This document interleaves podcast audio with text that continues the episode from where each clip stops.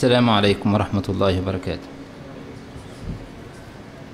الحمد لله والصلاة والسلام على رسول الله صلى الله عليه وسلم. عندنا المسألة السادسة من كتاب بداية المجتهد ونهاية المقتصد للإمام ابن رشد الحفيد المتوفى سنة 595 هجريا. عندنا المسألة السادسة ابن رشد يقول اتفق العلماء على أن مسح الرأس من فروض الوضوء واختلفوا في القدر المجزئ منه. يبقى لم يختلف أحد في أن مسح الرأس ركن من الأركان لكن ما مقدار مسح الرأس؟ هذا هو الذي وقع فيه الخلاف بين الفقهاء على أقوال. فإحنا عندما نتدبر هذه المسألة وننظر فيها نجد أن المسألة في البداية نستطيع أن نجملها على قولين. ثم نفرق أو ثم نفصل من أحد القولين أقوالا فتصير المسألة فيها أقوال. فإذا قلنا إن إجمال الخلاف بين الفقهاء على قولين نقول إن هناك رأي يقول إن الركن هو مسح الرأس كله. وهذا مذهب الإمام مالك رحمه الله تعالى. وهناك رأي يقول إن الواجب هو مسح بعض الرأس. يبقى دول رأيين إجمالا. رأي بيقول إن الواجب مسح كل الرأس ورأي بيقول إن الواجب مسح بعض الرأس. ما سبب الاختلاف؟ سبب الاختلاف هو الاشتراك. وإحنا أخذنا إن الإمام ابن رشد عد من أسباب الاختلاف في اللفظ هو اشتراك اللفظ بين معان عدة. أين أين اللفظ المشترك هنا في الآية؟ الباء. الباء حرف من حروف المعاني التي لها أكثر من معنى. القرآن الكريم قال وامسحوا برؤوسكم؟ آه. هل الباء هذه يكون عملها كله هو التأكيد مجرد التأكيد فقط أم أن لها معنى وهو التبعيض؟ وقع الخلاف بين الفقهاء في هذا الأمر. طبعا إذا تحدثنا بلغة أهل اللغة نقول إن الباء قد تكون زائدة وقد تكون للتبعيض. فإذا كانت زائدة فإنها تفيد المسح كله لأنك إذا حذفت الباء وجدت أن المعنى يتماشى بعضه مع بعض. هناك تناسق بين الألفاظ بدون الباء. أما تقول وامسحوا برؤوسكم لو أنت حذفت الباء تقول إيه؟ وامسحوا رؤوسكم. فإذا الآية الباء جاءت في القرآن بهذه الطريقة على سبيل التأكيد. في غير القرآن بنقول إن هي زائدة. مسحت برأسي مثلا. يبقى إذا حذفت الباء مسحت رأسي كلها.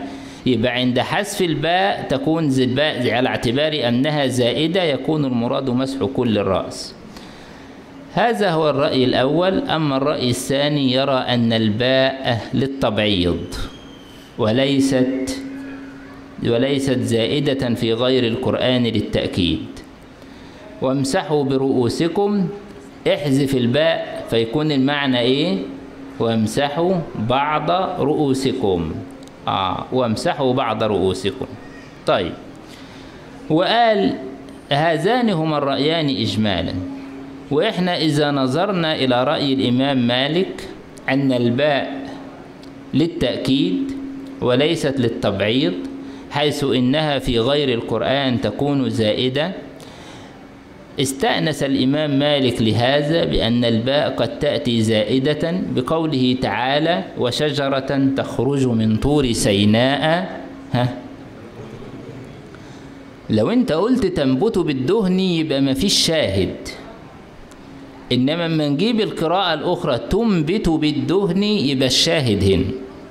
لأن إحنا لو قلنا تنبت بالدهن يبقى تنبت دي الفعل بتاعها الماضي إيه؟ نبت والمصدر نباتا. أما تقول نبت الزرع نبت الزرع يبقى نبت فعل لازم ولا فعل متعدي؟ فعل لازم. لا يتعدى إلا بالباء. إنما أنت لو قلت أنبت الله تعالى الزرع. يبقى أنبت لازم ولا متعدي؟ متعدي. إذا لا يتعدى بالباء وإنما يتعدى بنفسه. لا يحتاج إلى الباء. فهتقول أنبت الله الزرع مش هتقول أنبت الله بالزرع صح؟ أنبت الفعل المضارع بتاعها إيه؟ ها؟ ينبت. تمام؟ احذف بقى ياء المضارعة وخليها تاء المضارعة. ها تنبت يبقى تنبت الايه؟ الزرع صح؟ طب إيه رأيك بقى لو إحنا خليناها زي ما في القرآن تنبت بي الزرع واقلبها تنبت بالدهن عشان نمشي مع الآية. يبقى الباء هنا مالها؟ الباء زائدة. لأنه بدون الباء الكلام كان يسير عادي على وفق اللغة لأن تنبت من أنبت يتعدى إلى المفعول به بنفسه لا يحتاج إلى الباء حتى يتعدى فتقول تنبت الدهن فما يجي يقول لك تنبت بالدهن يبقى الباء إيه؟ يبقى الباء آه زائدة في غير القرآن لأنه في الحقيقة أنت لو قلت تنبت الدهن صح لأن تنبت وصلنا إلى أنها تتعدى بنفسها. فالإمام مالك قال أهو في في القرآن باء لم تأتي إلا للتأكيد فقط لا لشيء آخر. بناء على ذلك لما نظر إلى الآية قال والله إن الباء وامسحوا برؤوسكم زائدة لأن إحنا ممكن نقول وامسحوا رؤوسكم وخلاص. طيب إذا كان هذا الاشتراك موجودا في الآية لماذا الإمام مالك رجح أن الباء زائدة في غير القرآن لم تأتي إلا للتأكيد فقط؟ إذا كانت هذا اللفظ مشترك لماذا رجح الإمام مالك فقط هذا المعنى أن الباء زائدة؟ طبعا إحنا عارفين أما يكون اللفظ مشترك لازم نذهب إلى النصوص الأخرى سواء من القرآن أو من السنة لنفسر المشترك باعتبار إن المشترك إيه؟ مجمل والإجمال يحتاج إلى بيان. فالإمام مالك نظر إلى أحاديث النبي صلى الله عليه وسلم فأخذ حديث سيدنا عبد الله بن زيد في صحيح مسلم أن النبي صلى الله عليه وسلم مسح برأسه مسح بيديه على رأسه فأقبل بهما وأدبر. مسح بيديه على رأسه فأقبل بهما وأدبر. يبقى معنى ذلك إن النبي صلى الله عليه وسلم مسح رأسه كلها ولا مسح جزء من رأسه؟ مسح رأسه كلها. فأخذ الإمام مالك من هذا الحديث الصحيح أن المراد بالآية هو مسح الرأس كلها فتكون الباء زائدة. إذا هنا في الاشتراك يذهب الفقهاء إلى الترجيح بناء على النصوص الأخرى. فالإمام مالك رجح كون الباء زائدة بالحديث. طب تعالى الباقي الفقهاء جمهور الفقهاء لرجح التبعيض. قال لأن إحنا عندنا في صحيح مسلم حديث المغيرة بن شعبة أن النبي صلى الله عليه وسلم مسح على ناصيته وخفيه. مسح على الناصية ولا على الرأس؟ يبقى مسح على جزء من الرأس مسح على بعض الرأس. فمن هنا حمل جمهور الفقهاء الباء على أنها على أنها للتبعيض وامسحوا برؤوسكم يبقى وامسحوا ببعض رؤوسكم. لماذا جمهور الفقهاء لم يأخذ بحديث الإمام مالك وأخذ بهذا الحديث؟ هل هو مجرد انتقاء عشوائي ولا الانتقاء ده لابد أن يكون قائما على أسس؟ لو أنا قلت لك دلوقتي في حديث إن النبي مسح على كل الرأس وفي حديث إن النبي مسح على بعض الرأس والحديثين صحيحين. أين المقدار المتيقن من المسح في الحديثين؟ أين المقدار المتيقن من المسح في الحديثين؟ الكل ولا البعض؟ البعض. هو ده الجزء المتيقن. إحنا على يقين إن النبي صلى الله عليه وسلم مسح هذا الجزء. إحنا والإمام مالك الجمهور بيفكر كده. بيقول إحنا كجمهور والإمام مالك متفقين على إن النبي مسح الجزء. أمال الاختلاف فين؟ مسح الباقي ولا ما مسحش؟ يبقى في يقين بالجزء ده. اذا هذا الجزء هو الفرض البعض هو الفرض طب والباقي؟ ما في حديث صحيح بتاع مسلم بتاع عبد الله بن زيد. نعمل فيه إيه؟ قالوا يبقى مندوب. بقى نحمله على الندب حتى نوفق بين الآثار ونجمع بين كل النصوص. فإحنا ما ننكرش الجمهور بيقول كده إحنا ما ننكرش حديث عبد الله بن زيد. لكن لما يجي لنا حديث إن النبي مسح على البعض ومرة وحديث آخر إنه مسح على الكل فيبقى البعض هو المفروض والكل هو المندوب. ولذلك هذا هو الذي ألجأ جمهور الفقهاء أن يقول إن الواجب هو مسح بعض الرأس وليس كل الرأس. طيب ابن رشد عندك بيقول لك جزئية يعني مهمة في هذا الأمر.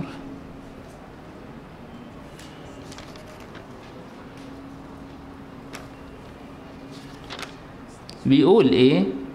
بعد ما جاب حديث المغيرة أن النبي عليه الصلاة والسلام توضأ فمسح بناصيته وعلى العمامة. قال وإن سلمنا أن الباء زائدة. مين اللي بيقول إن الباء زائدة؟ مين من الفقهاء؟ الإمام مالك. وإن سلمنا أن الباء زائدة بقي ها هنا احتمال آخر. يبقى إذن هو كده عايز يناقش الإمام مالك. إن سلمنا أن الباء زائدة يا إمام مالك وحتى نذهب إلى رأيك أن الواجب هو مسح الرأس كله يبقى أن هناك مناقشة أخرى نعترض عليك بها. بقي هناك احتمال آخر وهو هل الواجب الأخذ بأوائل الأسماء أو بأواخرها؟ قضية الأخذ بأوائل هل الواجب الأخذ بأوائل الأسماء أو بأواخرها كأن هذه قاعدة يعترض بها ابن رشد على الإمام مالك حتى مع الفرض أن الباء زائدة؟ بيقول له إذا كنا إن الباء زائدة ويكون في غير القرآن الآية وامسحوا رؤوسكم فيعترضنا قاعدة أخرى. الأصول وهو هل العبرة بالأس... بأوائل الأسماء أم بأواخرها؟ قضية العبرة بأوائل الأسماء أم بأواخرها؟ أنت لا تكاد تجد هذه القاعدة إلا عند ابن رشد. لكن معناها موجود في الأصول لكن بطريقة أخرى. هل العبرة بالعموم أم بالخصوص؟ هذا معنى هذه العبرة بأوائل الأسماء أم بأواخرها؟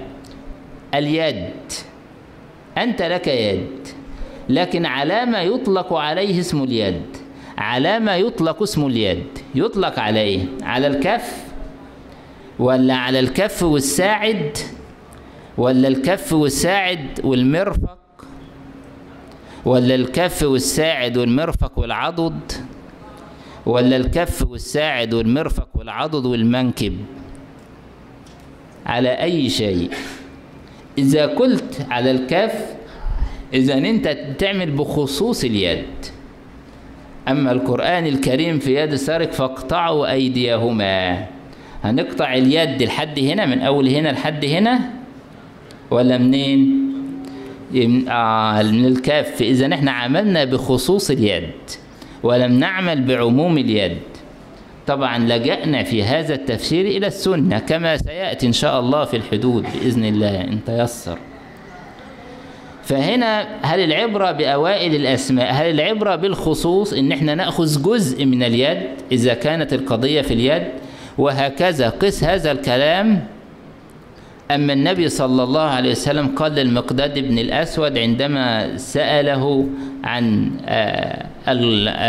عن حكم المزي فقال له النبي صلى أمره النبي صلى الله عليه وسلم أن يغسل فرجه أو أن يغسل مذاكيره وأنثييه.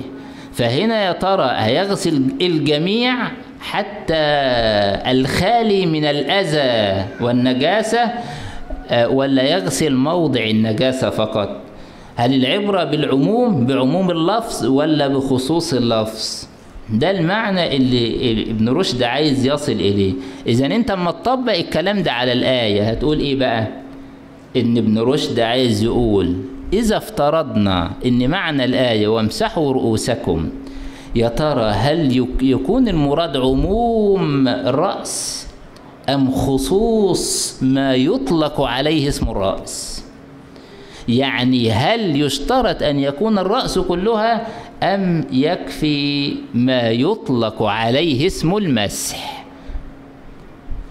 إذا سيكون هناك احتمال آخر يا إمام مالك حتى ولو كنا إن الباء زائدة.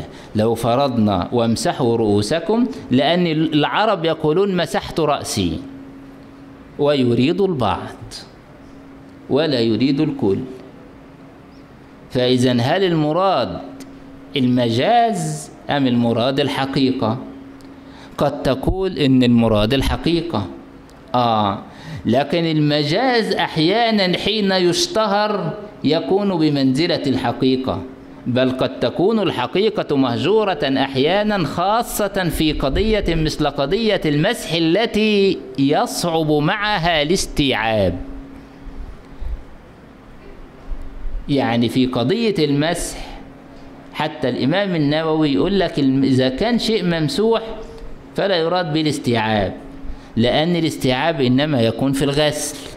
إنما ما يكونش في قضية المسح لأنك هتستوعب بالظبط إزاي كيف يحدث الاستيعاب في المسح تستوعب إزاي. أمر فيه أمر فيه صعوبة. وبالتالي إذا كانت القضية قضية مسح فإنه لا يراد بها الاستيعاب. المجاز يشتهر في هذا فصار بمنزلة الحقيقة أو أكثر. إذا الخلاصة أنه مع اتفاقنا مع الإمام مالك أن المراد بالباء أنها زائدة لكن يبقى احتمال آخر يجعلنا نصرف الحقيقة إلى غيرها ونقول أن المراد به برضو بعض الرأس لأن العرب تقول أحيانا مسحت رأسي وتريد به البعض. وبالتالي ليس قولنا معك يا إمام مالك إن الباء زائدة أننا سنصل إلى أن المراد مسح كل الرأس.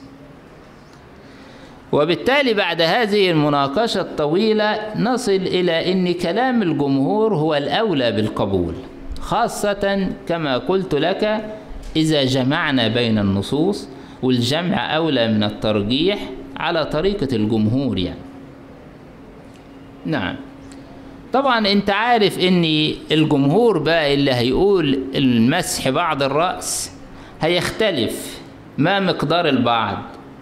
هل مقدار البعض هو مقدار الناصية ولا مقدار البعض حتى ولو شعرة أو شعرتين؟ كما ذهب إلى هذا الإمام الشافعي. أو إن المسألة يعني تختلف من الرجل إلى المرأة. إن كان هذا رأي في رواية فيه رواية للإمام أحمد أن الرجل يمسح الكل إنما المرأة تمسح البعض. لحديث السيدة عائشة رضي الله تعالى عنها أنها كانت تمسح على بعض رأسها لكن هذا غير ظاهر في المسألة يعني. فالبعض زي الإمام أبو حنيفة بيقول الواجب هو مسح مقدار الناصية وهو مقدار ربع الرأس. لأني لسه قايلين حديث المغيرة بن شعبة اللي هو يعتبر عمدة عند الإمام أبو حنيفة إن النبي صلى الله عليه وسلم مسح على ناصيته وعلى العمامة. فقال ما دام مسح على الناصية نمسحنا. بين البعض الذي في الآية لأن لما الآية تقول وامسحوا برؤوسكم ما إحنا حتى لو فسرناها على قضية البعض كما ذهب الجمهور. فالسؤال أنهي بعض؟ ما مقدار البعض. إذا هي مجملة في حق البعض. بعد ما رجحنا أن هو البعض لقيناها مجملة في حق البعض. فالإمام أبو حنيفة لجأ إلى الترجيح بالحديث قال على ناصيته الإمام الشافعي يرى أن الحديث ده هو ليس شرطا في أن الناصية هي المرادة. بل إني وقع ذلك من النبي صلى الله عليه وسلم اتفاقا وهذا الحديث حكاية حال يحكي فيه المغيرة إن إنه رأى النبي صلى الله عليه وسلم وهو يمسح على هذا. إذا لا يوجد مانع من أن يكون النبي صلى الله عليه وسلم مسح في أحوال أخرى على أقل من الناصية لأنه الحديث مش بيقول قال رسول الله صلى الله عليه وسلم امسحوا على الناصية لا ده المغيرة رأى النبي فهو حكاية حال وحكايات الأحوال لا تعم على رأي جمهور الأصوليين. وبالتالي ما دمنا وصلنا إلى أن المراد البعض فأي بعض حتى ولو كان قليلا مقدار الشعرة والشعرتين. تمام. يعني أنا أرى إن إحنا إذا كنا نفسر المجمل فأولى إن إحنا نأخذ برأي الإمام أبو حنيفة من أنه مقدار الناصية. وما أقول لك مقدار الناصية يعني مش شرط الناصية. مقدار الناصية سواء من هنا سواء من هنا لأن أحيانا المرأة تسأل إن هي في الخارج وتريد أن تمسح فهنا بتمسح مقدار معين أيا كان من الخلف من الأمام. أهم حاجة أنا أنبه إن هو ما يكونش على الشعر إنما يكون على الرأس. لأن القرآن قال وامسحوا برؤوسكم.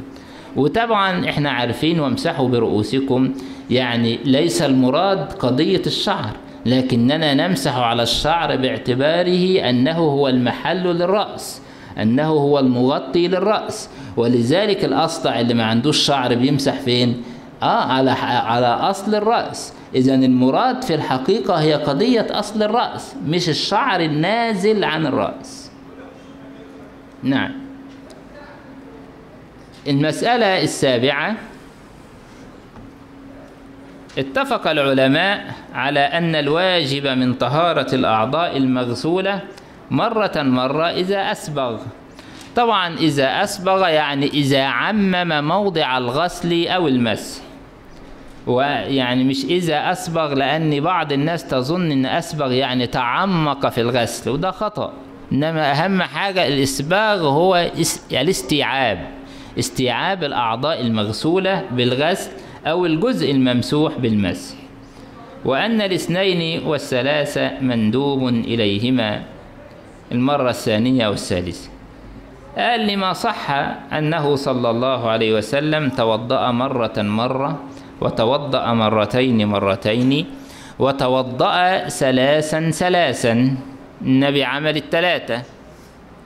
طبعا في حديث عن النبي صلى الله عليه وسلم أنه فعل ذلك وقال هذا وضوئي ووضوء الأنبياء من قبلي فمن زاد على ذلك فقد تعدى وأساء وظلم. لكنه حديث ضعيف حديث ضعيف جدا. إنما إحنا لو أخذنا الجزء الأولاني هنجد إن معناه صحيح.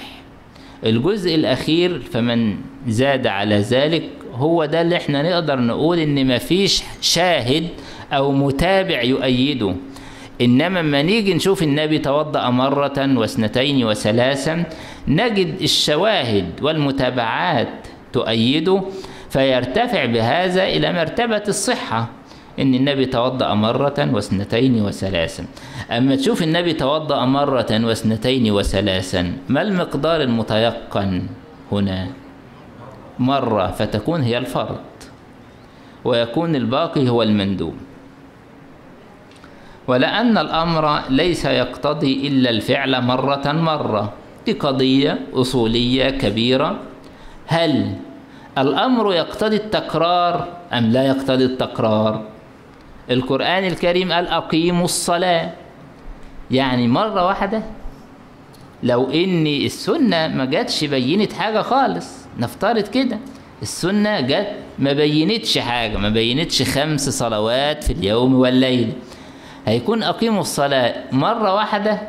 طب إيه رأيك؟ إن الله كتب عليكم الحج. هبعدك عن الصلاة عشان أنت دماغك إن إيه الصلاة لازم نصليها خمس مرات وكل يوم والكلام ده كله. إن الله كتب عليكم الحج فحجوا ها هتحج كم مرة؟ إذا الأمر لا يقتضي التكرار على حقيقته. إنما في قضية الصلاة النبي اللي جه قال خمس صلوات في وبين الصلاة وكذا فعرفنا من السنة. إنما الأمر لوحده بمجرده بعيدا عن السنة هل يقتضي أم لا يقتضي؟ خلاف في الأصول مذهب ابن رشد أنه لا يقتضي. مذهب ابن رشد أن الأمر المجرد لا يقتضي التكرار إنما يقتضي المرة يتعمل مرة واحدة وخلاص زي مسألة الحج. وبالتالي أما القرآن يقول إذا قمتم إلى الصلاة فاغسلوا وجوهكم يبقى اغسلوا كم مرة؟ آه مرة واحدة. لأن الأمر على حقيقته لا يقتضي التكرار. وبالتالي يكون التكرار سنة. كما فعل النبي صلى الله عليه وسلم. تمام. واختلفوا في تكرر مسح الرأس. هل هو فضيلة أم ليس في تكريره فضيلة؟ يبقى هو اتكلم الأول على مسألة تكرار الوضوء وتكرار الغسل في الأعضاء. فقال ده سنة تكرار الغسل للأعضاء سنة. وبعدين جه اتكلم عن تكرار المسح للأعضاء الممسوحة. هل تكرار المسح للأعضاء الممسوحة يكون سنة أيضا مثل تكرار الغسل أم لا؟ دي المسألة اللي وقع فيها الخلاف. قال هنا بقى في خلاف في تكرار المسح. هل نعامل المسح مثل الغسل فنقول إن تكرار المسح سنة أيضا ولا تكرار المسح ليس بسنة؟ فالإمام الشافعي قال إن تكرار المسح مساوي لتكرار الغسل. بينما ذهب جمهور الفقهاء إلى إن المسح لا يتكرر. إذا مسحت على رأسك تمسح مرة واحدة. مسحت أذنيك تمسح مرة واحدة. طيب ما سبب الخلاف بين الإمام الشافعي والجمهور في قضية مسح الرأس؟ الإمام الشافعي أخذ بالعموم. النبي توضأ مرة مرة ومرتين مرتين وثلاثا ثلاثا هنا الراوي اللي بيحكي فعل النبي صلى الله عليه وسلم لم يفرق بين قضية المسح وقضية الغسل. النبي توضأ مرة واثنين وثلاثة طب ما هو المسح من الوضوء. إذا المسح تكرار المسح يكون برضه مرة واثنين وثلاثة في فيكون هذا سنة. جمهور الفقهاء بيقول كل الأحاديث التي روت وضوء النبي صلى الله عليه وسلم عن طريق الصحابة الذين فصلوا وضوء النبي كيف كان يتوضأ لم يمسحوا إلا مرة واحدة. فدل ذلك على أن تكرار المسح للرأس ليس بسنة. وإلا ما تركه هؤلاء الصحابة على كثرتهم الذين رووا تفصيل وضوئه صلى الله عليه وسلم. جه الإمام الشافعي قال أنا عندي حديث سيدنا عثمان إنه مسح على رأسه ثلاثا. لما كان سيدنا عثمان يحكي وضوء النبي صلى الله عليه وسلم. جمهور الفقهاء قالوا له الرواية دي انت عندك كم طريق للرواية دي؟ هي رواية واحدة. وعندنا نحن روايات لح... ل... ل... لوضوء سيدنا عثمان نفسه تقول أنه مسح مرة واحدة. بالإضافة إلى الأحاديث المشتهرة عن الصحابة زي سيدنا علي وغيره الذين رووا وضوء النبي صلى الله عليه وسلم أنه مسح مرة واحدة. فكان رواية سيدنا عثمان الوحيدة بالنسبة لجمهور الفقهاء هي رواية لا تقوى على مساندة الأحاديث والروايات الأخرى لسيدنا عثمان وللصحابة الذين رووا وضوء النبي. فكأن جمهور الفقهاء نظر إلى الرواية الوحيدة لسيدنا عثمان أنه مسح ثلاثا على أنها رواية شاذة. رواها الثقة مخالفا بها الثقات. ورواية الثقة للثقات في المصطلح الحديث رواية إيه؟ حديث إيه؟ حديث شاذ. والحديث الشاذ حديث ضعيف ولا حسن ولا صحيح؟ آه حتى ضعيف حتى ولو رواه الثقة لأنه خالف به الثقات. نعم. وبالتالي يكون الراجح في المسألة أن المسح مرة واحدة. طبعا أنت لو قرأت كلام ابن رشد بعدما يعني ذكر أن الإمام الشافعي بيقول ثلاثة وأن الجمهور بيقول مرة وبيقول أن الإمام الشافعي بيستدل على ذلك برواية سيدنا عثمان وبالحديث اللي إحنا لسه قايلينه أن النبي توضأ مرة مرة ومرتين مرتين وثلاثا ثلاثا دون تفصيل ودون تمييز بين المسح والغسل. بيقول ابن رشد بعد كده إيه؟ وذلك أن المفهوم من عموم هذا اللفظ مرة واثنتين وثلاثا. وإن كان من لفظ الصحابي طبعا الصحابي اللي قايله. هو حمله على سائر أعضاء الوضوء سواء كانت ممسوحة أم مغسولة.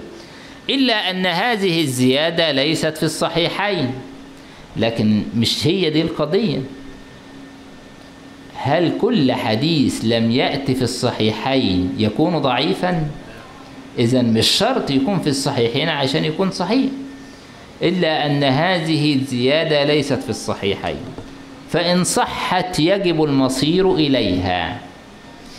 إن صحت آه هذه الزيادة يجب المصير إليها. لأن من سكت عن شيء ليس هو بحجة على من ذكره. إلا أن هذه الزيادة ليست في الصحيحين. أنهي زيادة؟ ما هو ما جابش سيرة تعدى وظلم بقى إحنا مش هنتهمه ان هو قال حاجة ون- ونعالجه بيها. أنهي زيادة؟ توضأ اثنتين وتوضأ ثلاثا ليست في الصحيحين. فإذا صحت يجب المصير إليها. طيب هي هذه الزيادة ليست في الصحيحين فعلا لكن ذكر البخاري مثلها معلقا. ومعلقات البخاري وإن كانت موجودة في كتاب الصحيح لكنها ليست من الصحيح. يعني ليست من صحيح البخاري لكنها صحيحة. يبقى المعلقات ما بنعدهاش من صحيح البخاري بس هي صحيحة. صحيحة ليه؟ لأنه وصلها الكثير من الأئمة الأعلام المحدثين زي ابن حجر والإسماعيلي وغيره الحميدي وغيره ممن وصلوا آه، أحاديث البخاري المعلقة. وطبعا ابن حجر له كتاب التغليق في أحاديث التعليق يعني ذكر فيها آه، معلقات البخاري ووصلها جميعها فإذا لو إن القضية في الصحة أو في الضعف فهو صحيح من حيث الناحية الحديثية لكن هل من الناحية الفقهية يعمل به في هذا الإطار أم لا؟ هذا فيه ظن وشك هذا ليس فيه قطع بهذه المسألة من خلال هذا الحديث ليه؟ الصحابي اللي بيحكي هذا الوضوء فتدخل الاحتمالات. منها أن الصحابي ركز على الغالب من وضوء النبي. هو الغالب في الأعضاء. الأعضاء المغسولة ولا الأعضاء الممسوحة؟ الغالب في الأعضاء هي الأعضاء المغسولة. فهناك احتمال أن الصحابي يتحدث عن الغالب يهتم بهذه القضية. أن النبي لما توضأ اثنتين وثلاثا إنما كان يعني يحكي الأعضاء المغسولة وليست الأعضاء الممسوحة باعتبار أنها العادة أو الغالب في الوضوء. إذا هناك احتمال. الأمر الثاني أن أكثر الروايات والأحاديث التي رواها الصحابة في التفصيل أن هو صلى الله عليه وسلم مسح مرة واحدة. فما يجي لك حديث عام بهذا العموم توضأ مرة واثنتين وثلاثا ويجي لك أحاديث خاصة أنه مسح مرة واحدة. يبقى الطبيعي أن أنت تحمل إيه؟ تحمل الخاص على العام. فإذا لا معارضة حتى نقول إن هذا الحديث لو صح يجب المصير إليه من أن المسح يكون ثلاثا. لا هذا الحديث مع صحته هو عام. لكن هناك أحاديث خصصت فطلعت المسح بره الموضوع. فقالت إن المسح ده مرة. الصحابة مسحوا مرة وهم يحكون وضوء النبي صلى الله عليه وسلم. نعم. ويستحب في صفة المسح أن يبدأ بمقدم الرأس فيمر يديه إلى قفاه طبعا هو بيتكلم هنا في الطريقة المندوبة للمسح. وليست الطريقة الواجبة في المسح. ما الواجب في المسح؟ ما الواجب في مسح الرأس؟ البعض. المندوب إيه؟ نمسح الكل. طب لما تيجي تمسح الكل ما كيفية هذا المسح المندوب؟ بيفسر المسح المندوب من أن الإنسان يبدأ بمقدم الرأس ثم إلى قفاه باعتبار حديث سيدنا عبد الله بن زيد الصحيح. أنه بدأ بمقدم رأسه ثم ردهما إلى قفاه ثم أعادهما إلى المكان الذي بدأ منه. يبقى كده صح؟ بهذه الطريقة.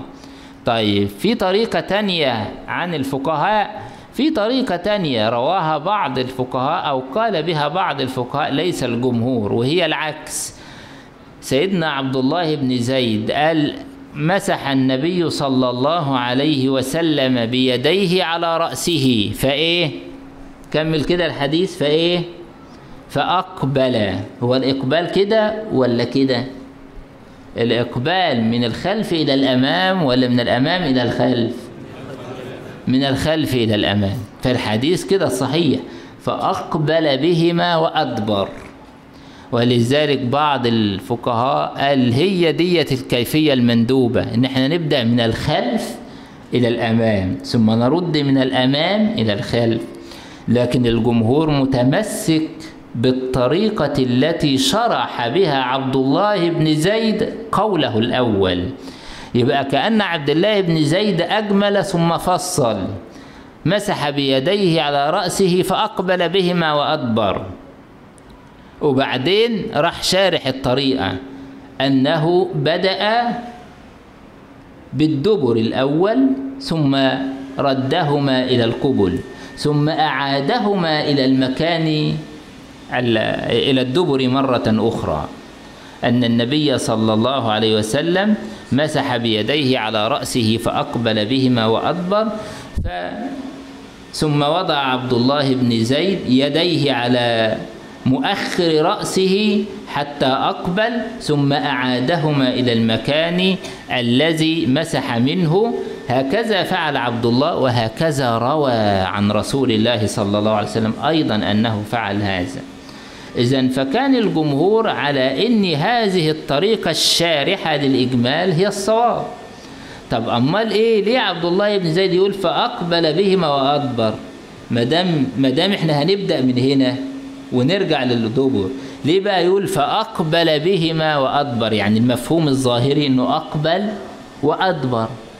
ليه بقى ما كانش يقول أدبر بهما وأقبل؟ ليه؟ لأن دي طريقة العرب. دي طريقة العرب في الخطاب. أتيتك ليلة نهار؟ الليل اللي بيجي الأول ولا النهار الأول؟ آه النهار. وبعدين يقول لك أتيتك ليلة نهار.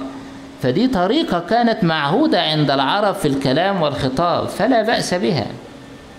خاصة إن الراوي شرح اللي هو عايزه. يبقى ما تركش ثغرة لقضية الإجمال في الحديث. المسألة الثامنة من تعيين المحال. اختلف العلماء في المسح على العمامة فأجاز ذلك أحمد بن حنبل وأبو ثور والقاسم بن سلام. وجماعة مين القاسم بن سلام ده يا جماعة؟ ها؟ آه أبو عبيد الله يفتح عليه أبو عبيد. القاسم بن سلام هو أبو عبيد اللي هو عامل كتاب مجاز القرآن. وفضائل القرآن وعامل كتاب الأموال في إيرادات الدولة ونفقاتها في الفقه الإسلامي اللي هو عده الإمام الذهبي أحد المجتهدين وكان شافعيا ثم خرج عن مذهب الإمام الشافعي باجتهاداته وجماعة ومن ومنع من ذلك جماعة منهم مالك والشافعي وأبو حنيفة. يبقى المسألة دي في حكم المسح على العمامة. ومثلها طبعا المسح على الخمار. هل يكتفي الإنسان بالمسح على العمامة أو المرأة على الخمار دون أن يمسح الرأس أو جزءا من الرأس؟ فالمسألة دي كما رأيت جمهور الفقهاء على أنه لا يجوز أبدا المسح على العمامة وحدها بل لابد أن يمسح على جزء من الرأس. ليه؟ لأن القرآن قال وامسحوا بإيه؟ إذا إحنا لو قلنا بالمسح على العمامة فقد زدنا على النص. وأنت عرفت قضية الزيادة على النص؟ قضية يعني يتريث فيها الفقهاء كثيرا جدا لأن الأصل هو عدم جواز الزيادة على النص إلا بشروط معينة محكمة مش في أي وقت. إنما الأصل لو أني في مساحة للمسح على العمامة أو الرأس كانت ذكرت في القرآن. إنما القرآن قال وامسحوا برؤوسكم صريحا يبقى لازم المسح على الرأس. دي طريقة جمهور الإيه؟ الفقهاء. إنما الإمام أحمد بن حنبل يرى جواز المسح على العمامة وحدها دون أن يكون هناك مسح على الرأس. وكذلك للمرأة بهذه الطريقة أن تمسح على الخمار وحده دون أن يكون هناك مسح على الرأس. ليه الإمام أحمد خرج عن الجمهور في هذه المسألة؟ الإمام أحمد قال أنا عندي حديث عن النبي صلى الله عليه وسلم إحنا لسه قايلينه وله روايات أخرى أن النبي مسح على العمامة على ناصيته وعلى العمامة. وفي أنت ممكن تقول لي هو مسح على الناصية وعلى العمامة هو يعني مش مسح على العمامة وحدها. مسح على الرأس. آه يبقى في جزء من الرأس وفي جزء من العمامة اللي عايز يعمل كده أهلا وسهلا براحته لأنه في الآخر ماسح على جزء من الرأس. مفيش مشكلة. إيه فالإمام أحمد قال لنا والله أنا عندي حديث تاني. إذا كنتوا أنتوا بتفسروه هذا التفسير فأنا عندي حديث في صحيح مسلم أن النبي مسح على العمام. بس الحديث كده. وحديث تاني في صحيح مسلم أن النبي مسح على الخمار. طبعا الخمار هو العمامة. يعني الخمار ما يخمر الرأس ما يغطي الرأس. فهذه الأحاديث إذا كنت أنتم بتأولوا حديث أن النبي مسح على ناصيته وعلى العمامة فأنا عندي أن النبي صلى الله عليه وسلم بس مسح على العمامة وبالتالي يجوز المسح على العمامة أو على الخمار. لاحظ أنا قبل ما أقول لك مسألة الترجيح والموازنة بين الأدلة لاحظ أن الإمام أحمد وهو بيقول أن النبي مسح على العمامة وهذا ما يأخذ به المذهب الحنبلي يكفي المسح على العمامة أو الخمار. بيقول الطاقية اللي الشيخ لابسها ده ما ينفعش نمسح عليه. ليه؟ إيه السر؟ إن إحنا ما ينفعش نمسح على الطاقية. لأنه لا حرج في نزعها. أمال هي العمامة غير الطاقية؟ العمامة مختلفة عن الطاقية؟ آه مختلفة عن الطاقية. العمامة حاجة والطاقية والقلنسوة حاجة تانية. العمامة ما يلف على الرأس. عارف اللفة الكبيرة الطويلة الضخمة دي؟ فهو يقول لك علشان يفك اللفة دي تاني. صعب. فهو أو يعملها كده ممكن تقع ويرجع يلف تاني ياخد له نص ساعة في لفها. لا ممكن في الحالة ديت إن هو يمسح على العمامة ويكتفى بهذا. وهكذا إذا كان هناك حرج في المسح على مثل هذه العمامة فكذلك يكون حرج في قضية المسح على الخمار فلا بأس بالمسح على عليه. إنما الطاقية أو القلنسوة لا حرج في المسح عليهما القلنسوة زي الطاقية يعني الفرق في غاية البساطة. يعني ممكن إنسان ينزعه أو. أو يقلبها شوية ويمسح آه سواء هي الطاقية أو القلنسوة. كل الموضوع إن البعض بيفرق بين الطاقية والقلنسوة في إن الطاقية دي كان الواحد يلبسها الأول علشان يلف عليها العمامة. إنما القلنسوة بيلبسها زي سيدنا كده هو ما هو لابسها بدون إيه؟ بدون عمامة. فالفرق بسيط يعني لا حرج في نزعهما وبالتالي لا يمسح عليهما حتى في المذهب الحنبلي. فالإمام أحمد أنت لو أنت لاحظت هتلاقيه برضه يعني متمسك بالأثر ولا يحيد عن الأثر. يعني لما قال إن النبي مسح على العمامة ما وسعش الموضوع.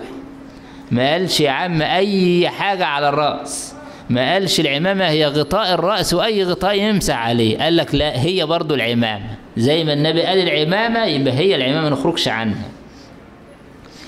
الموازنة بين الإمام رأي الإمام أحمد ورأي الجمهور أنا ذكرت لك في في في ثنايا الكلام مسألة آه، نظرة الجمهور إلى آه، نصوص الإمام أحمد وتأويل الجمهور لها.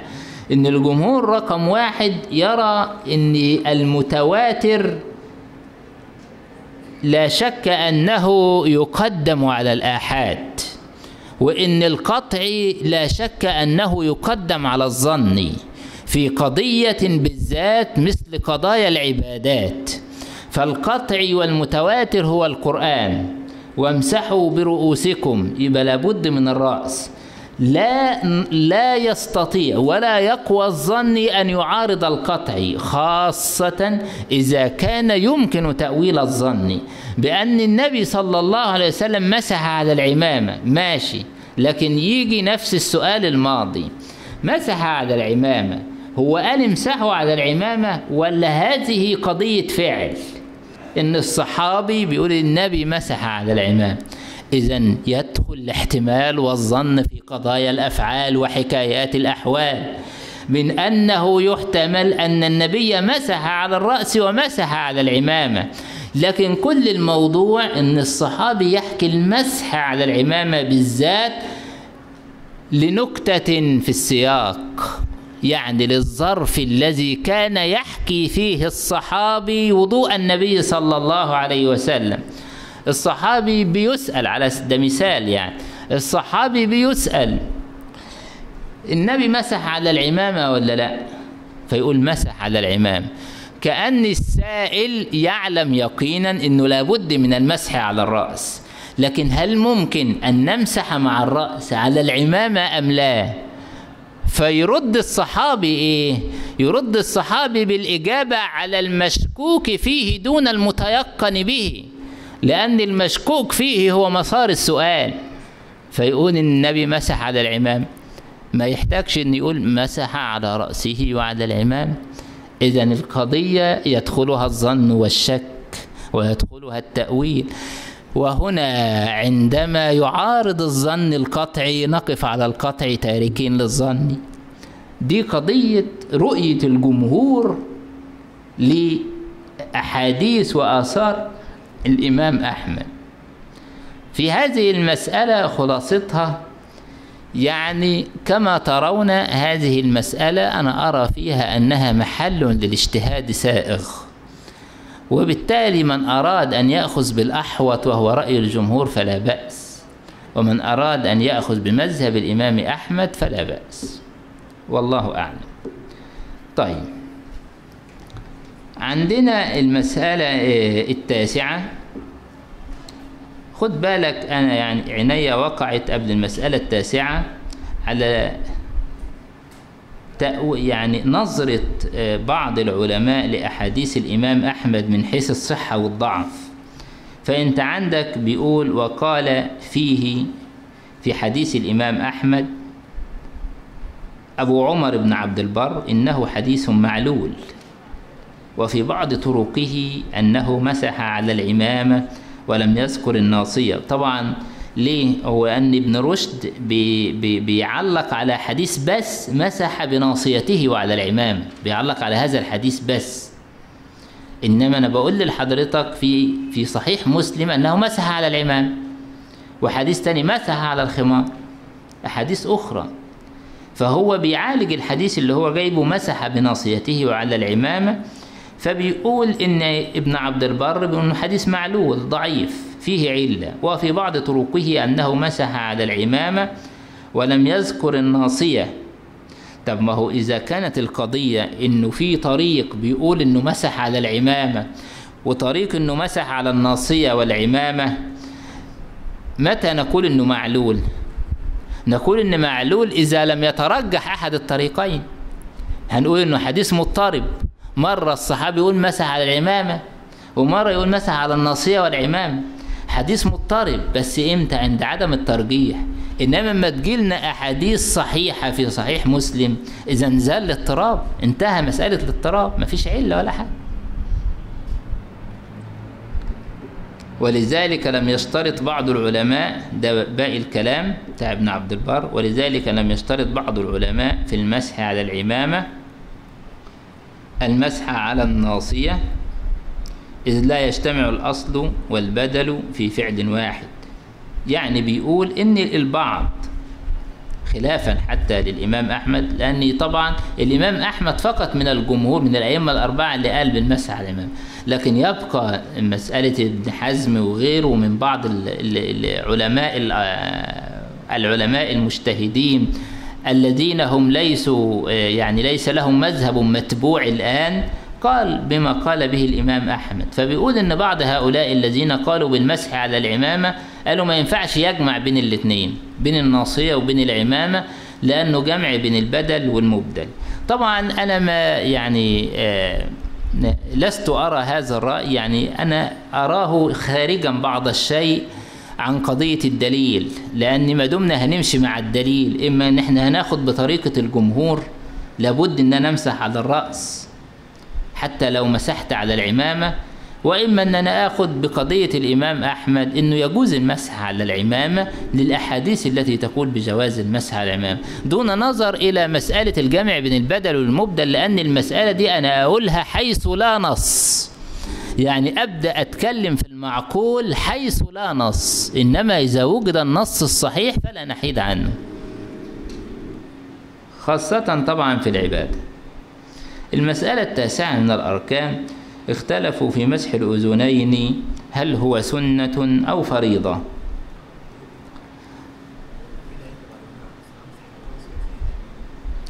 إيه العلة إن أنا بعد ما أمسح على الرأس أمسح على العمامة؟ العلة إن النبي عليه الصلاة والسلام عمل كده. ها تنفع العلة دي؟ علة كويسة ولا لا؟ يعني مسألة العبادات هي مش الأصل فيها المعقولية. في بعضها معقول صحيح لكن مش الأصل فيها المعقولية. الأصل في العبادات التعبد. دون دون النظر إلى الأسرار والحكم والمعاني والمقاصد. والأصل في المعاملات الالتفات إلى العلل والمعقولية والمقاصد. المسألة التاسعة من الأركان اختلفوا في مسح الأذنين هل هو سنة أو فريضة؟ وهل يجدد لهما الماء أم لا؟ فذهب بعض الناس إلى أنه فريضة وإنت طبعا يعني ابن رشد كده وانت بتقرأ تتمعن في تعبيراته وأساريره التي يظهرها من خلال كلامه على وجهه. فهو بيقول لك يعني فذهب بعض الناس إلى أنه فريضة. يعني هو مش مقتنع أن دول علماء فبيقول لك يعني فذهب بعض الناس إلى أنه فريضة وأنه يجدد لهما الماء. وممن قال بهذا القول جماعة من أصحاب مالك ويتأولون مع هذا أنه مذهب مالك لقوله فيهما إنهما من الرأس. يعني بيقول لك خد بالك إن أنت ما تنسبش الكلام ده لمالك. هم بيتأولوا كلام الإمام مالك إنما الإمام مالك ما صرحش.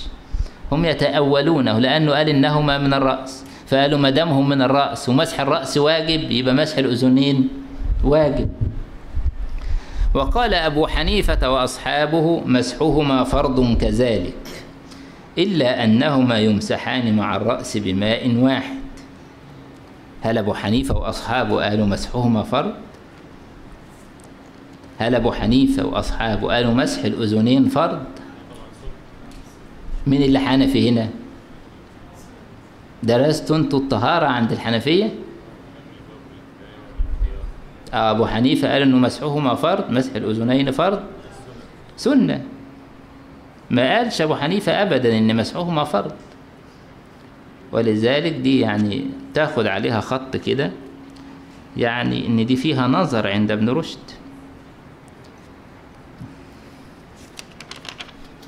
وقال الشافعي مسحهما سنة. ويجدد لهما الماء. يبقى وصل دلوقتي لأن الشافعي قال المسح سنة وإيه؟ مش هنمسحهم بماء الرأس. ماء الرأس حاجة وماء الأذنين حاجة تانية. خلافا للإمام أبو حنيفة اللي قال إن إحنا هنمسح الشعر الرأس والأذنين بماء واحد. ماء كده وكده. خلاص. نعم لأن الأذنين من الرأس. وقال بهذا القول جماعة أيضا من أصحاب مالك إن مسحهما سنة ويجدد لهما الماء. ويتأولون أيضا يعني برضو مش واخدين ده رواية عن مالك ده هم بيتأولوا كلام مالك. ويتأولون أيضا أنه قوله لما روي عنه أنه قال حكم مسحهما حكم المضمضة وأصل اختلافهم في كون مسحهما سنة أو فرضا اختلافهم في الآثار الواردة. أعني بذلك أعني مسحه عليه الصلاة والسلام أذنيه. هل هي زيادة على ما في الكتاب من مأسر من مسح الرأس؟ فيكون حكمهما أن يحمل على الندب لمكان التعارض؟ أم هي مبينة للمجمل الذي في الكتاب؟ فيكون حكمهما حكم الرأس في, الج... في الوجوب. يبقى هو بيبين اهو اسباب الاختلاف كعادته ان العلماء اختلفوا ليه؟ مسح. مسح الأذنين فرض ولا سنة؟ اللي هيقول إنه سنة المسح الأذنين ده مش موجود في القرآن مش موجود في الآية. اذا علشان نقول إنه فرض يبقى هذا زيادة على النص. فكون إن الصحابة حكوا وضوء النبي ومسحوا الأذنين اذا هذا مندوب هذا سنة. حتى لا نزيد على النص.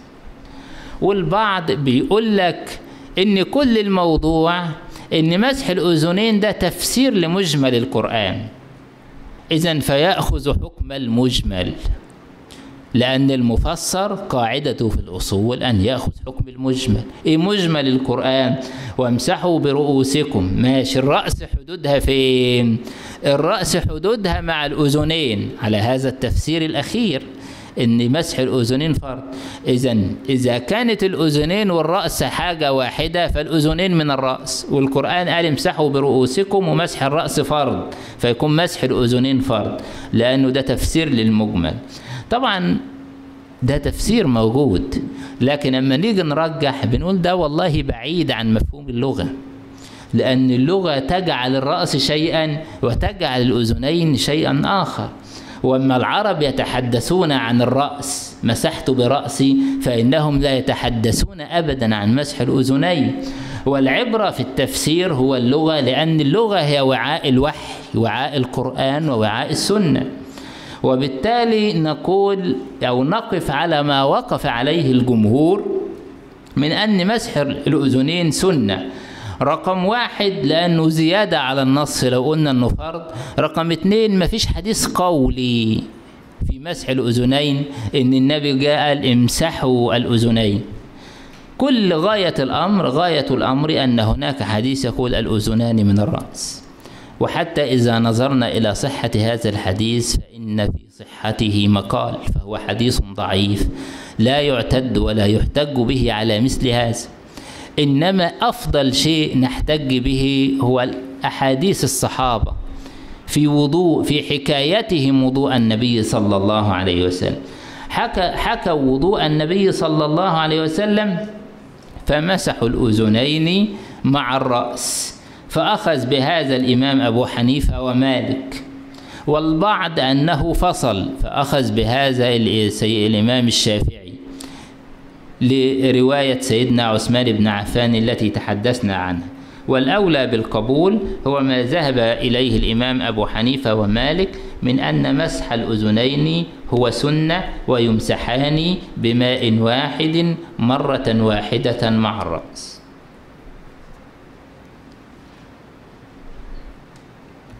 كلمتك عن مسألة تجديد الماء هل نمسح الأذنين ثلاثا أم لا؟ فقلت لك المسألة فيها الاختلاف السابق في تجديد الماء لمسح الرأس والأولى بالقبول هو المسح مرة واحدة المسألة العاشرة من الصفات من صفات الوضوء اتفق العلماء على أن الرجلين من أعضاء الوضوء واختلفوا في نوع طهارتهم يبقى اتفقوا على أنه يجب طهارة القدمين صح؟ إنما اختلفوا في نوع الطهارة.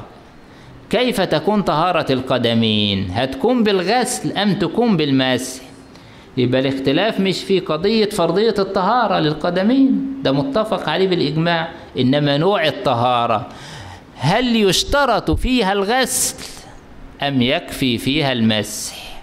خلاف بين العلماء. إحنا عندنا الأئمة الأربعة يقولوا يجب غسل القدمين. مفيش حاجة اسمها مسح القدمين.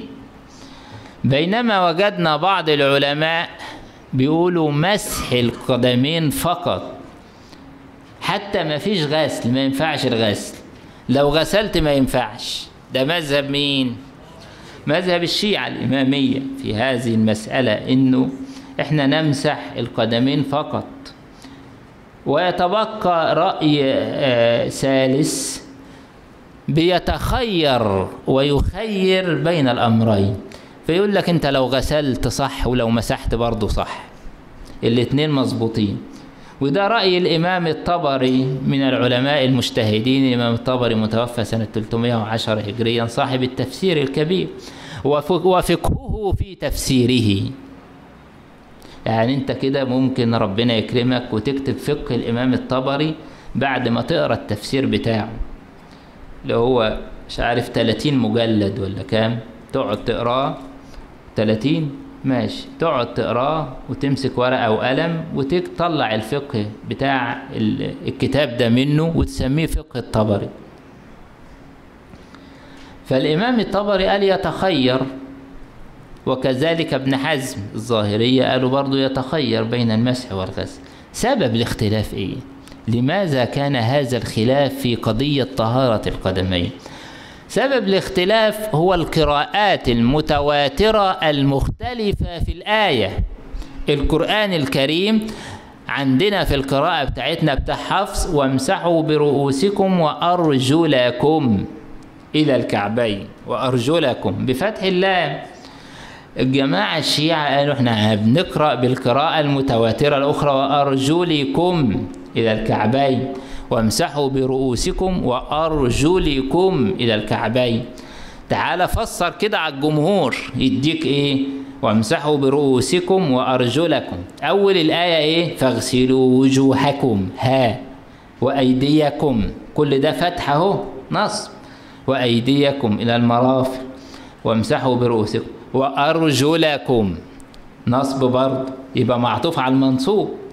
يبقى الآية في غير القرآن فاغسلوا وجوهكم وأيديكم إلى المرافق وأرجلكم إلى الكعبين. كله غسل. فاغسلوا اغسلوا اغسلوا. يبقى ماشية كده في مسألة الغسل. دي طريقة الجمهور الذي أخذ بهذه القراءة. طب هتعمل إيه يا جمهور؟ لما يجي لك قراءة متواترة محترمة تانية تقول لك وأرجلكم قال لك هنأولها. هنأولها. هتأولها إزاي؟ وأرجلكم دي. ما وأرجلكم يبقى ماشية مع مسح الرأس. وامسحوا برؤوسكم وأرجلكم. رؤوسكم مكسورة وأرجلكم مكسورة إذا امسحوا برؤوسكم مسح. يبقى وأرجلكم برضو مسح مش غسل. هتعمل إيه يا جمهور في في القراءة دي؟ قال أنا هأولها. هأولها أن العطف هنا عطف على اللفظ وليس عطفا على المعنى. يبقى أنت لما بتيجي تعربها بتعربها معطوفة على أرجلكم بالكسر فقط إنما المعنى فاغسلوا وجوهكم وأيديكم إلى المرافق وأرجلكم إلى الكعبين. يبقى العطف هنا على المعنى يبقى هنغسلها مش هنمسحها. فقضية العطف بالجر هي مجرد عطف على اللفظ فقط وليست عطفا على المعنى. ده تأويل مين؟ الجمهور. الله. طب ليه جمهور بقى؟ في في قراءة أصلا فيها وأرجلكم. إيه السر يعني؟ إن في قراءة تقول وأرجلكم. ما هو لابد ليها من سر. هي جاية كده. قال لك آه إحنا عندنا أكتر من سر لمسألة إن القرآن إن في قراءة تيجي وأرجلكم.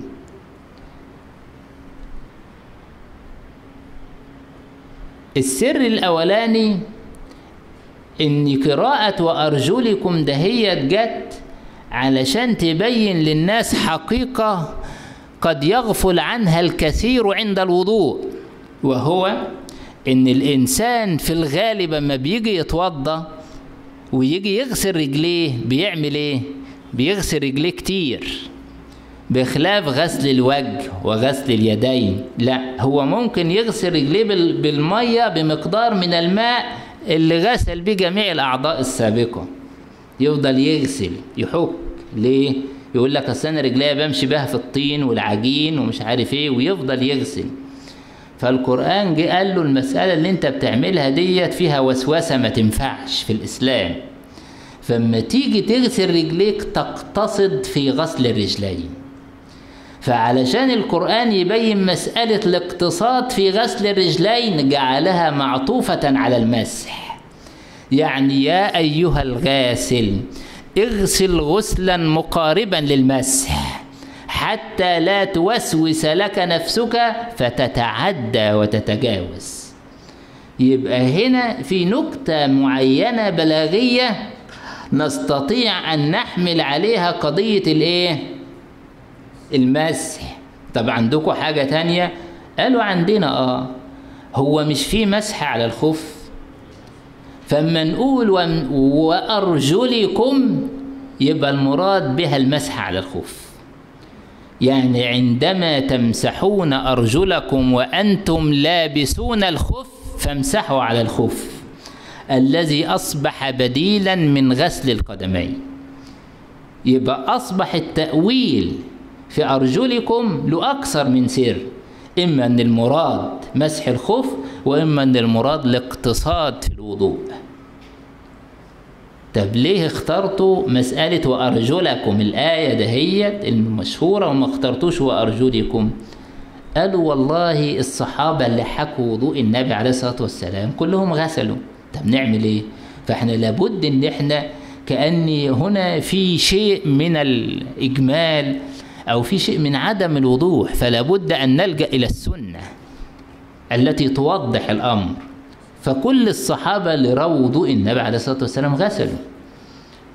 فلذلك وقف الجمهور على مسألة الإيه؟ على مسألة الغسل وأرجلكم بالنصب طب إيه يا شيعة؟ ليه بقى تاخدوا وأرجلكم لماذا تتمسكون بهذه الآية؟ وماذا تفعلون مع قراءة وأرجلكم؟ قالوا إحنا بنتمسك بآية وأرجلكم لأنه في حديث صحيح في صحيح مسلم إن الصحابة مسحوا على أرجلهم. والنبي صلى الله عليه وسلم وجد أعقابهم تلوح. فقال صلى الله عليه وسلم ويل للأعقاب من النار. إن الصحابة كانوا وهم بيتوضأوا مسحوا على أرجلهم. فالنبي وجد أعقابهم تلوح. يعني إيه تلوح؟ يعني في جزء ما جاش عليه الوضوء. فالنبي عليه الصلاة والسلام قال ويل للأعقاب من النار. أسبغوا الوضوء. يعني استوعبوا جميع أعضاء الوضوء. فده في نظر الشيعة دليل قوي على المسح. فقالوا يبقى ناخد وأرجلكم مش وأرجلكم. وعندنا أدلة أخرى إيه؟ قالوا إحنا عندنا صحابة مسحوا على أرجلهم. وآثار تقول بالمسح على القدمين. طب تعملوا إيه بقى؟ في آية في قراءة وأرجلكم اللي الجمهور أخذ بيها. قالوا والله ده وارد في اللغة. ما عندناش مشكلة. الشاعر قال فلسنا بالجبال ولا الحديد. مش ولا الحديد. فلا يوجد مانع من أن نعطف على المحل. فده عطف على المحل. الجمهور أول بأن العطف بتاعه عطف على اللفظ. الشيعة قالوا ده عطف على المحل. عطف على المحل إزاي؟ فلسنا بالجبال ولا الحديد. فلسنا بالجبال. لو انت شلت الباء بتاع الجبال دي هتقول فلسنا إيه؟ فلسنا الجبال. الجبال دي تعربها إيه؟ خبر ليس ماله؟ آه خبر ليس منصوب. فلسنا الجبال ولا, ولا الحديدة دي سهلة معطوف على المنصوب. طب اما تقول بس فلسنا بالجبال يبقى تقول الجبال دهيت مجرور بالباء لكنها في محل نصب. على اعتبار إن أصلها أنها خبر ليس. إذا لما الشاعر قال ولا الحديدة ما عطفش على اللفظ. عطف على الإيه؟ على المحل. باعتبار إن أصل كلمة الجبال هي اسم ليس. الباء زائدة. فلسنا الجبال. فلما حطينا فلس فلسنا بالجبال ممكن نقول ولا الحديدة عطفا على المحل لأن الجبال محلها النصب. فنعمل كده في الآية. اقرأ كده. ها؟ وامسحوا برؤوسكم وأرجلكم. تعملوا فيها إيه يا جماعة شيعة؟ قال وامسحوا برؤوسكم وأرجلكم. بص على برؤوسكم كده وشيل الباء. هتقول وامسحوا إيه؟ رؤوسكم وأرجلكم. وامسحوا رؤوسكم رؤوسكم مفعول به. إذا لما تقول وامسحوا برؤوسكم وأرجلكم يبقى أرجلكم عطفا على محل الرأس. لأن محل الرأس إنه مفعول به منصوب. إذا وأرجلكم عطفت على المحل. ويبقى الموضوع كده خلصان. طيب في المسألة دي وفي ظل هذه التأويلات نعمل إيه؟ نعمل إيه؟ انت يعني أنا برضو كما ترون امام قضية اجتهادية بحتة. فيها نصوص متعارضة الظاهر. فكل ما أرجحه أن أميل لرأي الجمهور باعتبار كثرة الصحابة الذين رووا وضوء النبي صلى الله عليه وسلم. ومن قال إن الإنسان يخير بين المسح والغسل فلم يبعد في نظري. اللي هو مذهب الطبري ومذهب داود. آه داود وابن حزم الظاهر. إن الإنسان يخير بين هذا وهذا نظرا لوجود قراءة بهذا ووجود, ووجود آثار وأحاديث بهذا وذاك. لأن الحديث اللي في صحيح مسلم برضه هم الجمهور ما سابوش. قالوا ده المراد به الغسل مش المراد به المسح وفي نصوص في صحيح مسلم تؤيد في نفس الحديث إنه الغسل. لكن هذا النص أيضا في صحيح مسلم إنه المسح كأنه في جماعة غسلوا وكانه في جماعة مسحوا فلا إشكال مسألة سهلة وإن كنا حاضر وإن كنا كما أقول لحضراتكم يعني أرى من قبيل الأحوط ومن قبيل كثرة الآثار إن إحنا نميل إلى رأي الجمهور من غسل الإيه؟ القدمين. اتفضل.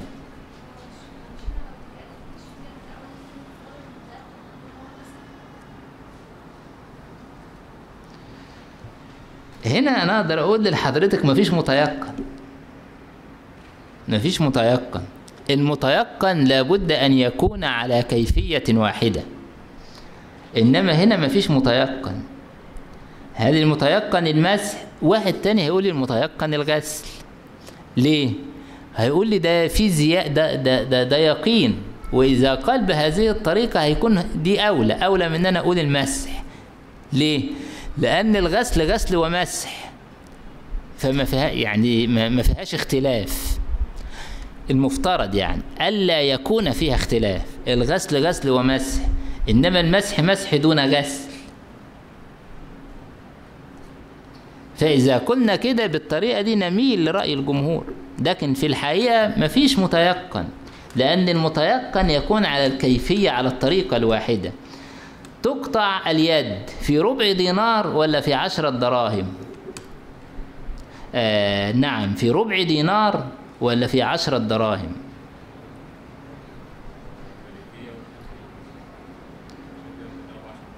الجمهور قال ربع دينار. والحنفية قالوا عشرة دراهم. فالعشرة دراهم يساوي دينار. فكأن الجمهور قال ربع دينار والحنفية قالوا إيه؟ قالوا دينار. آه. فين المتيقن هنا يا جماعة؟ المتيقن هو الربع طب بص عند الجمهور كده. هل بص عند الإمام أبو حنيفة كده. هل اليد ممكن تقطع في ربع دينار؟ ها؟ مش ممكن. يبقى مش هو ده المت... اعكس. العكس هو الصحيح. المتيقن هو الدينار. يعني عند الجمهور اللي بيقولوا اليد تقطع في ربع دينار من باب أولى أن تقطع في دينار. صح ولا إيه؟ إذا المتيقن قضية الدينار. ولذلك الإمام أبو حنيفة مسك الحتة دي. قال إحنا بنتكلم في حدود. يعني بنتكلم في حاجات تدرأ بالشبهات. فأنتم بتقولوا ربع دينار. طبعا للسنة. وإحنا بنقول دينار للسنة. فناخد بأنهي؟ القطعي. الذي لا نستطيع أن نحيد معه للقاعدة الأساسية أن الحدود تدرأ بالشبهات. هيكون عندنا إحنا الحنفية إن الربع دينار ده شبهة. احتمال يكون صح واحتمال ما يكونش صح. إنما الدينار. باتفاق صح. إذا تقطع اليد في الدينار وما نقطعهاش في الظن في اللي فيه تأويل اللي هو الربع دينار. يبقى اليقين بيحدث في الحالة الواحدة إنما ما يحدثش في حالة مختلفة. واليقين كما ترى أحيانا يكون في الزيادة وأحيانا يكون في النقصان. مش شرط يكون اليقين في النقصان كما ذكرنا في العبادات.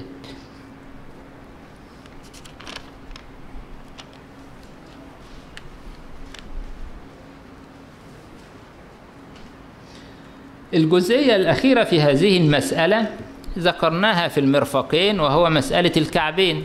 وأرجلكم إلى الكعبين. يا ترى وأرجلكم إلى الكعبين. هل, هل هنا لما نيجي نغسل الكعبين نغسلهم إلى يعني مع الكعبين ولا إلى يعني لحد الكعبين؟ فما ندخلش الكعبين في الغسل ما الواجب هنا؟ أن ندخل الكعبين في الغسل ولا لا ندخل الكعبين في الغسل؟ نفس القضية بتاعت المرفقين وأيديكم إلى المرفقين.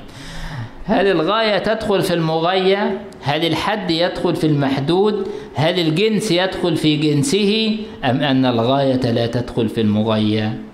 فلو قلنا إن الغاية تدخل في المغاية هيكون معنى ذلك إن إلى معناها مع.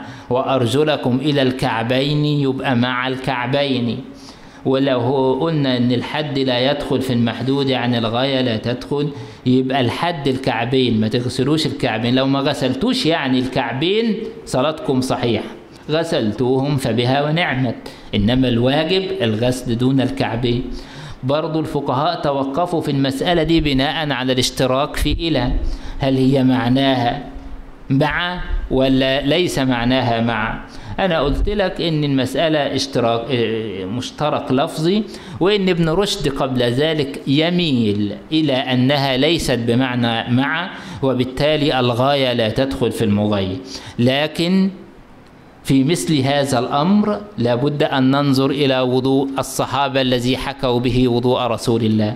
حتى نخرج من قضية الاشتراك ومن قضية الميل العقلاني أو الميل اللغوي. فوجدنا إن كل الأحاديث التي رواها الصحابة فيها الغسل مع الكعبين. فإذا خرجت قضية الاشتراك اللفظي إلى قضية التفسير تفسير المجمل. فنقول إن إلى بمعنى مع فيكون إلى الكعبين يعني مع الكعبين فيدخل الكعبان الكعبان في الغسل.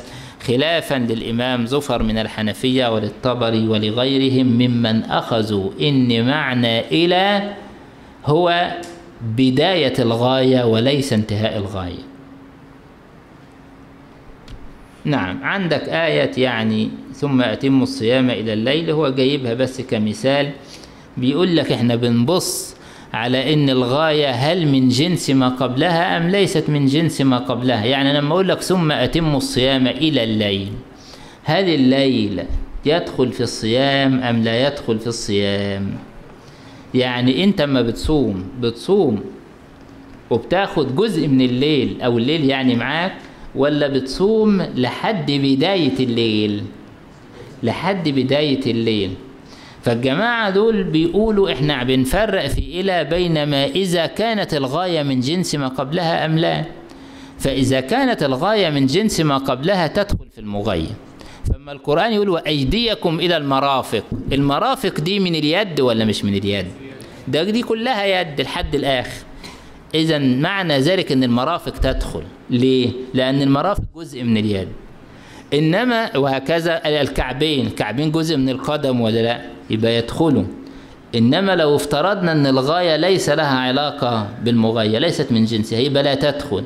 ثم أتم الصيام إلى الليل. إيه علاقة الصيام؟ مفهوم الصيام بالليل. ملوش علاقة. يبقى لما يقرأ القرآن يقول إلى الليل يعني إلى بداية الليل مش إلى نهاية الليل. لأن هنا الغاية اللي هي الليل ليست من جنس الصيام. نعم. طبعا مسألة الترتيب عندك يعني الترتيب بين أعضاء الوضوء. هل الوضوء يعني نرتب فيه أم لا؟ نقف هنا وإن شاء الله المرة القادمة على خير نكملها ونواصل بإذن الله تعالى. وصلى الله على سيدنا محمد وعلى آله وصحبه وسلم. والسلام عليكم ورحمة الله وبركاته.